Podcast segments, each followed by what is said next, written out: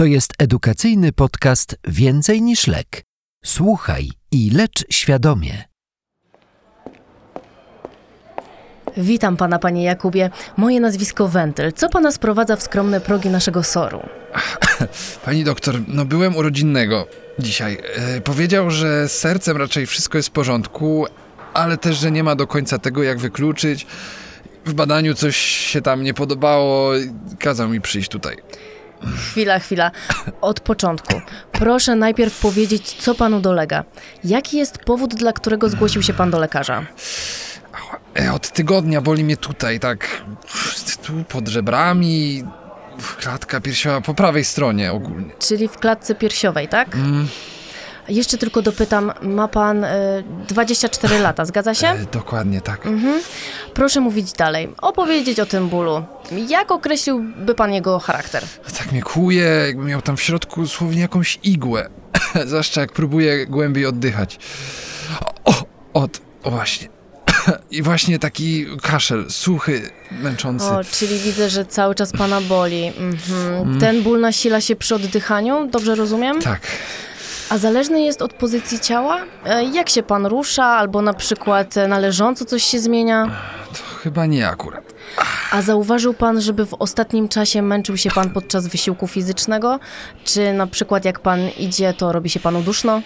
A tak, y, właśnie jak wchodzę po schodach, zauważyłem na, u siebie na drugie piętro do mieszkania, to mnie boli i ogólnie jakoś tak gorzej mi się oddycha. Nie wiem, nie doskwierało mi to dotychczas. A dlaczego zgłosił się pan dzisiaj do lekarza, a nie tydzień temu? Szczerze? Nie wiem, myślałem, że mi przejdzie. Chyba jest generalnie gorzej. Rozumiem. A ból zaczął się nagle tydzień temu, czy nasila się od dłuższego czasu? Właśnie zauważyłem go w ten zeszły poniedziałek po przebudzeniu. Wcześniej było wszystko okej. Mhm. Coś jeszcze panu dolega? Kaszel, gorączka, odpluwa pan coś? Nie, y, no mam ten kaszel już jak mówiłem i gorączki nie mierzyłem, ale nie czuję się chory. Rozumiem. A miał pan może kiedyś zakrzepicę w nodze? Może ostatnio noga panu spuchła albo bolała? To nie, nie, nie, nie kojarzę. A na coś pan choruje przewlekle? Jakieś leki na stałe pan bierze? E, nie. A papieroski?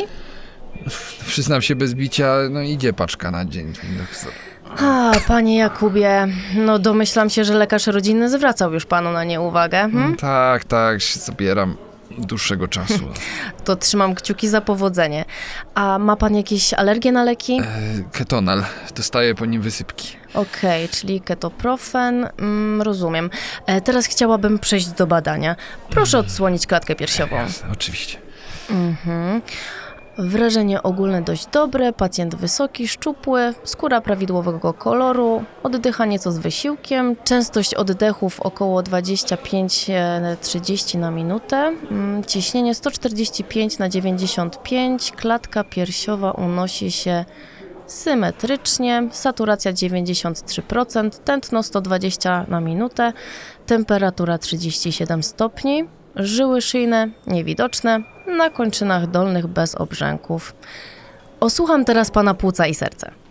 Okej, strona lewa. Mhm. A teraz prawa. I z przodu jeszcze. Przyłożę jeszcze głowicę USG oraz zrobimy EKG. Drogi słuchaczu, spójrz na badania dodatkowe dołączone do nagrania. Zastanów się nad rozpoznaniem, następnie wysłuchaj omówienia przypadku. To co, pogadajmy sobie. Dzisiaj ciekawy temat, w sumie jak zawsze. Mamy 24-latka, który zgłosił się z bólem o charakterze opłucnowym i pogorszeniem tolerancji wysiłku. Objawy trwają od tygodnia. W wywiadzie poza paleniem papierosów nic istotnego nie wyłapałem. W badaniu obecne cechy pogorszenia wydolności układu oddechowego, ale bez cech niestabilności. Przyspieszony oddech, spadek saturacji, ściszenie po prawej stronie nad płucami, tachykardia, jednak bez większego problemu mówi pełnymi zdaniami. W badaniach laboratoryjnych i w EKG bez istotnych odchyleń. RTG i USG przeanalizujemy sobie za chwilę. O czym powinniśmy myśleć w diagnostyce bólu w klatce piersiowej i duszności? Poważne diagnozy, które przychodzą mi do głowy, to zawał serca, No dobrze, zatorowość płucna, świetnie. odma opłucnowa, O, zapalenie wsierdzia Rozwarstwienie aorty, zapalenie płuc. Okej, bardzo dobrze.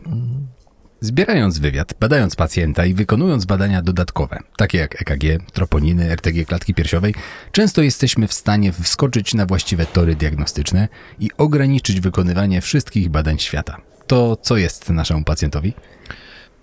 No, nagły ból opłucnowy, duszność. Jak patrzę na to USG, to nie ma slidingu opłucnowego, a w RTG widzę odmę opłucnową. No, no i świetnie, mamy diagnozę. Odma opłucnowa to, pewnie cię zaskoczę, No. obecność powietrza w jamie opłucnej. W prawidłowych warunkach jama opłucnej to taka przestrzeń pomiędzy jedną blaszką opłucnej, pokrywającą płuco, a drugą blaszką pokrywającą wewnętrzną ścianę klatki piersiowej. Fizjologicznie jest tam niewielka ilość płynu, działającego jak lubrykant. I to wszystko. Nic innego tam nie powinno się znajdować, prawda? Y, Prawda, zgadza się. Nie wchodząc w szczegóły procesu oddychania, w spoczynku w jamie opłucnej występuje trochę niższe ciśnienie, zarówno w stosunku do ciśnienia na zewnątrz, jak i ciśnienia w pęcherzykach płucnych. Okej, czy dobrze rozumiem, że w obrębie jamy opłucnej mamy taki trochę odkurzacz?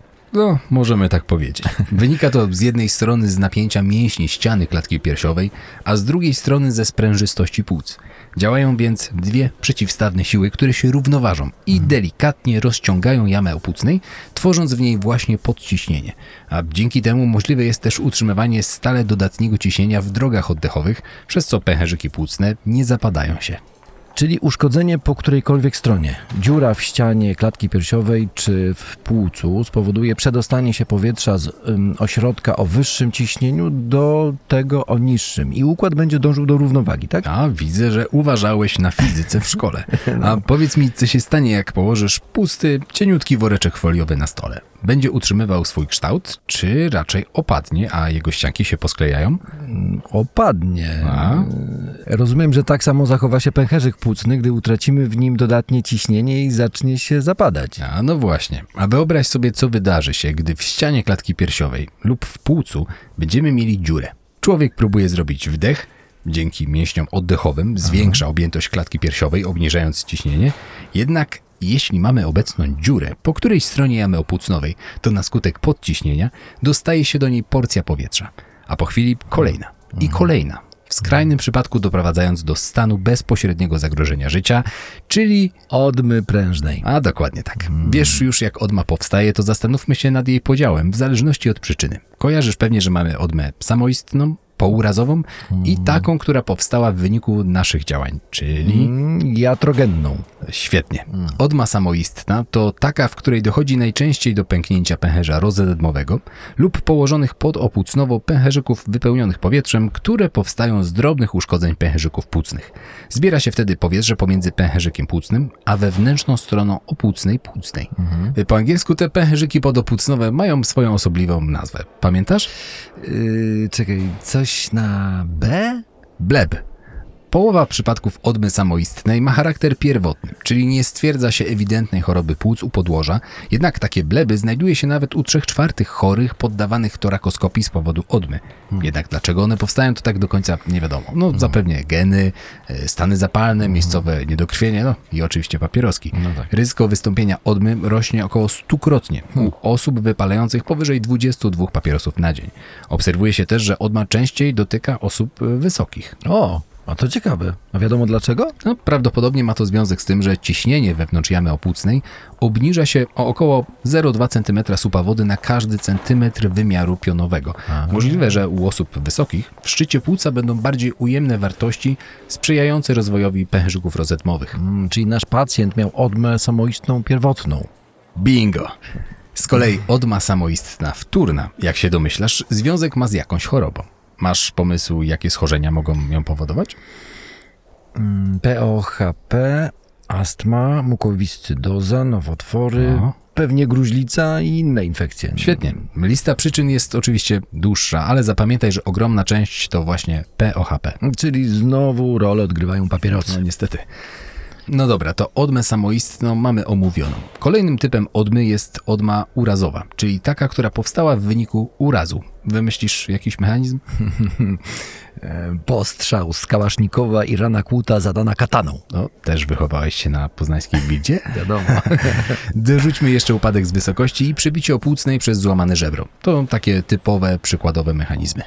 A RKO? Często łamią się wtedy żebra. Y, No jak najbardziej, zdarza się odma po RKO. Z odmą urazową zazębia się pojęcie odmy jatrogennej.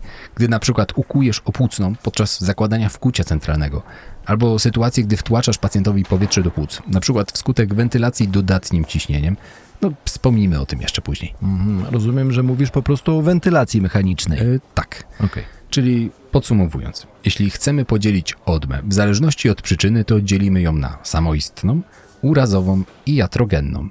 Inny podział dotyczy mechanizmu i patofizjologii. I wtedy wyróżniamy odmę zamkniętą, kiedy do opłucnej jednorazowo dostanie się pewna ilość powietrza i odma nie narasta. Otwartą, kiedy duży otwór, najczęściej w ścianie klatki piersiowej, po urazie, sprawia, że powietrze wraz z ruchami oddechowymi wlatuje i wylatuje. Okej. I trzeci mechanizm, najgorszy, to odma prężna. Co ważne, każda odma może w nią przejść. Najczęściej związana jest z urazami, jednak może również pojawić się w wyniku odmy samoistnej. Więc nie jest ona osobnym podtypem, tylko pewną skrajnością na spektrum. Czy pamiętasz, czym jest odma prężna? E, tak, na pewno jest stanem bezpośredniego zagrożenia życia i odwracalną przyczyną zatrzymania krążenia kryjącą się pod jedną z literek T w akronimie 4T. Mm, Jest to sytuacja, w której w otworze prowadzącym do jamy opłucnej powstaje taka jakby zastawka, która sprawia, że z każdym wdechem do opłucnej dostaje się pewna porcja powietrza, zostaje ono uwięźnięte, stopniowo zwiększając ciśnienie w jamie opłucnej. No, no i pięknie, czyli słuchałeś tego, co mówiłem kilka minut temu. Tak. No w takim razie, jak rozpoznasz odmę? No, czego będziesz szukać? Może na początek powiedz, jakie są objawy? Hmm, No, ból w klatce i duszność. Mm, Kaszel albo w sumie. No dobra, to zacznijmy od tego, że spektrum objawów może być bardzo szerokie. Od pacjentów skąpo i bezobjawowych, szczególnie jeśli odma jest mała, do wstrząsu obturacyjnego i zatrzymania krążenia w przebiegu właśnie odmy prężnej. O kurde, to faktycznie zróżnicowany obraz. No. Nasz pacjent był z tych y, skąpo objawowych, nie? Miał objawy, ale nie doskwierały mu mocno, więc zgłosił się po prostu dopiero po, po tygodniu, tak? No właśnie, no, pacjenci często bagatelizują swoje objawy. No. Pierwszy objaw odmy, o którym chcę Ci powiedzieć, związany jest ze zmniejszeniem wentylacji zapadniętych pęcherzyków płucnych. Gorszy dopływ tlenu do pęcherzyków będzie powodował gorszą wymianę gazową, co przełoży się na hipoksemię, obniżanie saturacji krwi, a pacjent może odczuwać duszność i gorzej tolerować wysiłek. Skóra może zrobić się sina. Szczególnie dramatyczny przebieg mogą mieć pacjenci z odmą powstałą na podłożu już istniejącej choroby płuc. Mm, Pewnie z uwagi na niewielką rezerwę. Tak, tak. Dalej organizm zacznie uruchamiać mechanizmy kompensacyjne, które możemy zaobserwować w badaniu. Aby dostarczyć więcej tlenu do sklapniętych pęcherzyków, przyspieszony zostaje oddech, więc zaobserwujesz tachypnoę. Innym częstym objawem jest ból opłucnowy.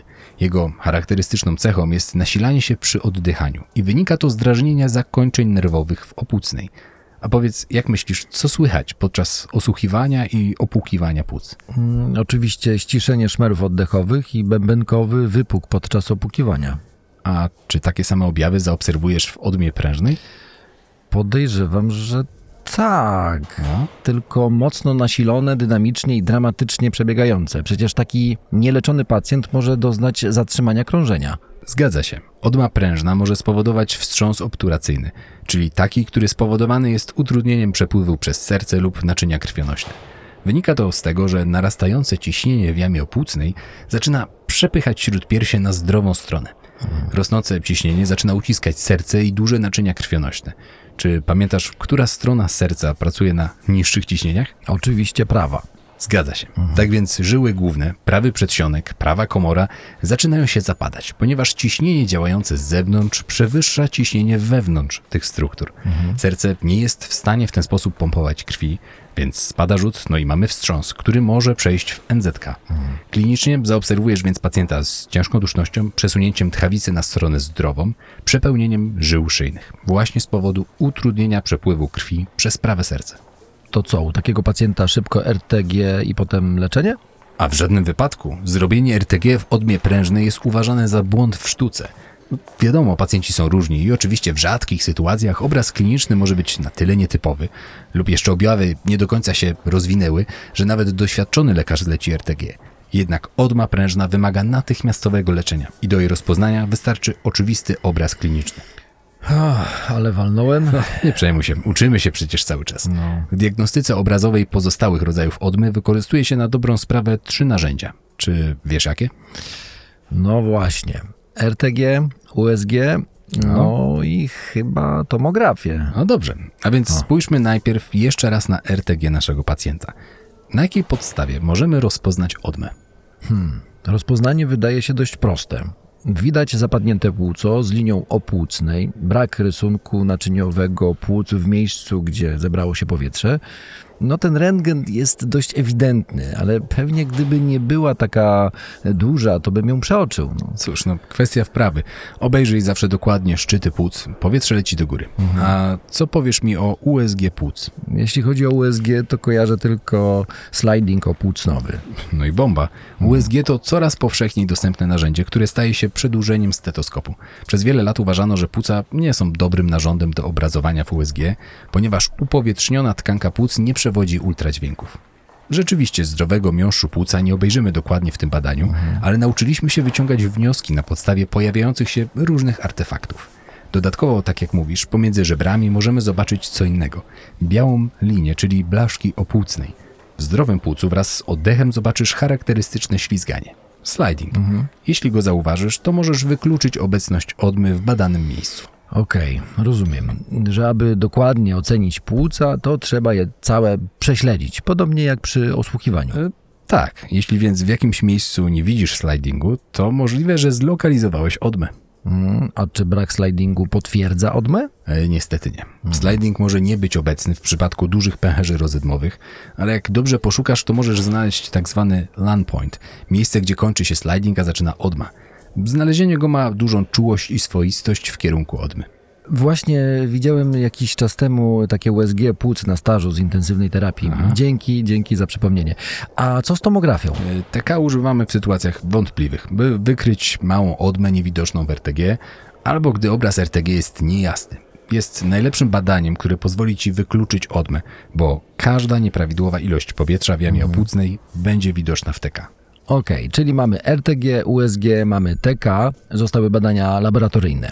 Czy mogą być w jakikolwiek sposób przydatne w odmie poza diagnostyką różnicową? No a co byś powiedział o gazometrii krwi tętniczej?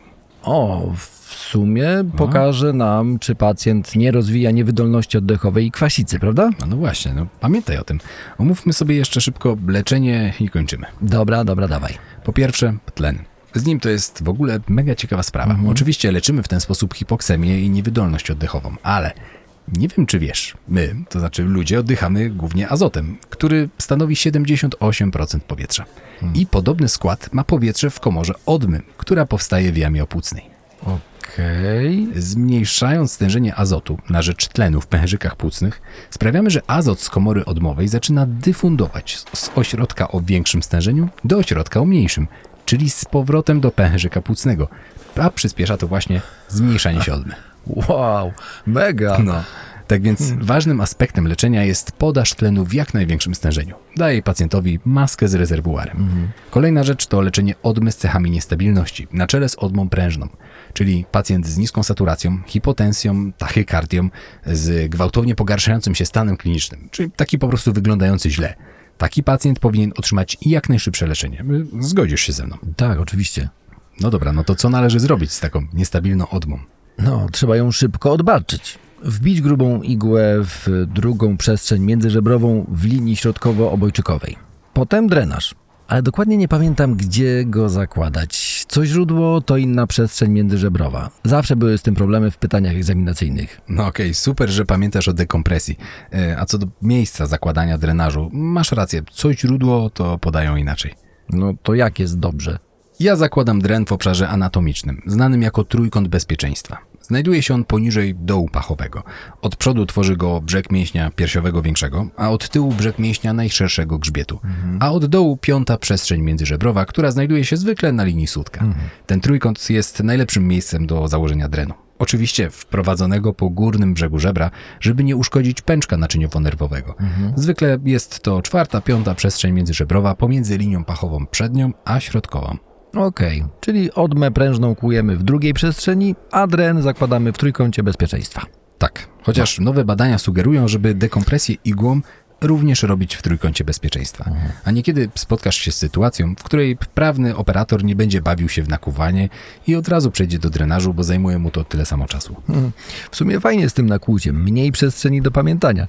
A jak to się uzasadnia, żeby jednak nie kłuć y, drugiej przestrzeni w linii środkowo-obojczykowej? Po pierwsze, odległość od skóry do jamy opłucnej w tej okolicy jest większa. Możesz zwyczajnie nie dosięgnąć igłą, zwłaszcza u osób z nadwagą. Po drugie, ta okolica jest trudniejsza do zlokalizowania i często trzeba kłuć na ślepo, a to zwiększa ryzyko powikłań. A przecież w tej okolicy są całkiem ważne struktury, które możesz uszkodzić, łącznie z sercem i dużymi naczyniami. No tak, masz rację.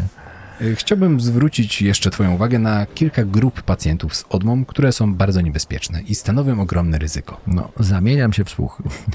Po pierwsze, odma obustronna.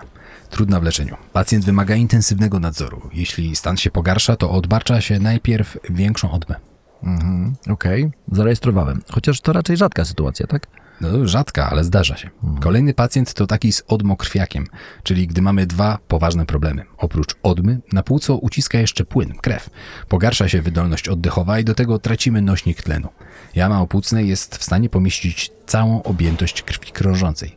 Należy wtedy założyć gruby dren, toczyć krew, no ogólnie to jest, powiem Ci, ciężki temat. Kurde, no. Trzeci typ pacjentów to ci z odmą i wentylowani respiratorem. Jak wentylujemy pacjenta respiratorem, to odwracamy fizjologię oddychania i wpychamy mu powietrze do płuc, więc mamy dodatnie ciśnienie względem komory odmowej. No i bez problemu mała odma u takiego pacjenta może przejść w odmę prężną. Mm, Okej, czyli odma u zaintubowanego pacjenta to gruba sprawa. Y, Tak, ale też ciężka do wykrycia, bo pacjent nie powie ci przecież, co mu dolega i czemu jego stan się pogarsza. No tak. E, Jest jeszcze jeden specyficzny typ pacjentów, to ci z odmą otwartą. Pamiętasz, mówiliśmy o tym, zwykle ma to miejsce po urazach. Masz po prostu wielką, dziejącą japę w klatce piersiowej. Powietrze sobie wlatuje i wylatuje wraz z kolejnymi ruchami oddechowymi. Wstępne zaopatrzenie takiej odmy to opatrunek spełniający funkcję zastawki. Są specjalne opatrunki wentylowe wypuszczające powietrze na zewnątrz i nie wpuszczające do wewnątrz. Alternatywnie możesz ten efekt osiągnąć stosując okluzyjny opatrunek zaklejony z trzech stron. No a potem dren. No, pamiętam to ze studiów jeszcze. Uff, no to, to by były najpoważniejsze stany związane z odmą. Na koniec jeszcze pozostają pacjenci z y, odmą stabilną. Tacy jak nasz pacjent z początku. Y, Pamiętasz go jeszcze? Mm, tak, tak, oczywiście. Odmę niskiego ryzyka. Czyli małą odmę pierwotną, samoistną, poniżej 2 cm. U stabilnego pacjenta możesz jedynie obserwować. Jeśli nie narasta po kilku godzinach, to powinna się sama wchłonąć. Można często takich pacjentów wypisać do domu. W przypadku odmy powyżej 2 cm stosuje się aspirację igłową, ewentualnie w dalszej kolejności drenaż. Okej, no po tym co powiedziałeś, to wnioskuję, że odmę samoistną wtórną na podłożu jakiejś mm, choroby traktujemy jako wysokiego ryzyka, tak? Ze względu na niższą rezerwę oddechową? Y, Dokładnie tak. Okej. Takiego pacjenta raczej nie wypisuj do domu. Mała odma może być poddana obserwacji, jednak często i tak ci pacjenci wymagają drenażu. A co w przypadku niepowodzenia leczenia? Wykonałeś aspirację, potem drenaż wraz z drenażem ssącym i nic. Nadal płuco się nie rozpręża, a mija kilka dni. No, wtedy wkraczają torakochirurdzy. Sztandarowe zabiegi przez nich wykonywane to pleurodeza, w której za pomocą talku doprowadza się do zrośnięcia zasobą blaszek opłucnej oraz pleurektomia, polegająca na usunięciu opłucnej ściennej, wskutek czego opłucna płucna przyrasta do ściany klatki piersiowej. No tak, No. nie ma jamy opłucnej, nie ma problemu. No i ty żartownisiu. No to jak, kończymy? No pewnie. Dzięki za kolejną przeokromną porcję wiedzy. Cześć. Zapamiętaj. 1. Odma opłucnowa to obecność powietrza w jamie opłucnej powstaje wskutek uszkodzenia płuca bądź ściany klatki piersiowej. 2. Najczęstsze objawy to ból opłucnowy i duszność. Jednak spektrum objawów może być bardzo szerokie w zależności od przyczyny i wielkości odmy. od bezobjawowych pacjentów do zatrzymania krążenia. 3. Odma prężna jest stanem zagrożenia życia, który rozpoznaje się na podstawie obrazu klinicznego i wymaga natychmiastowego leczenia.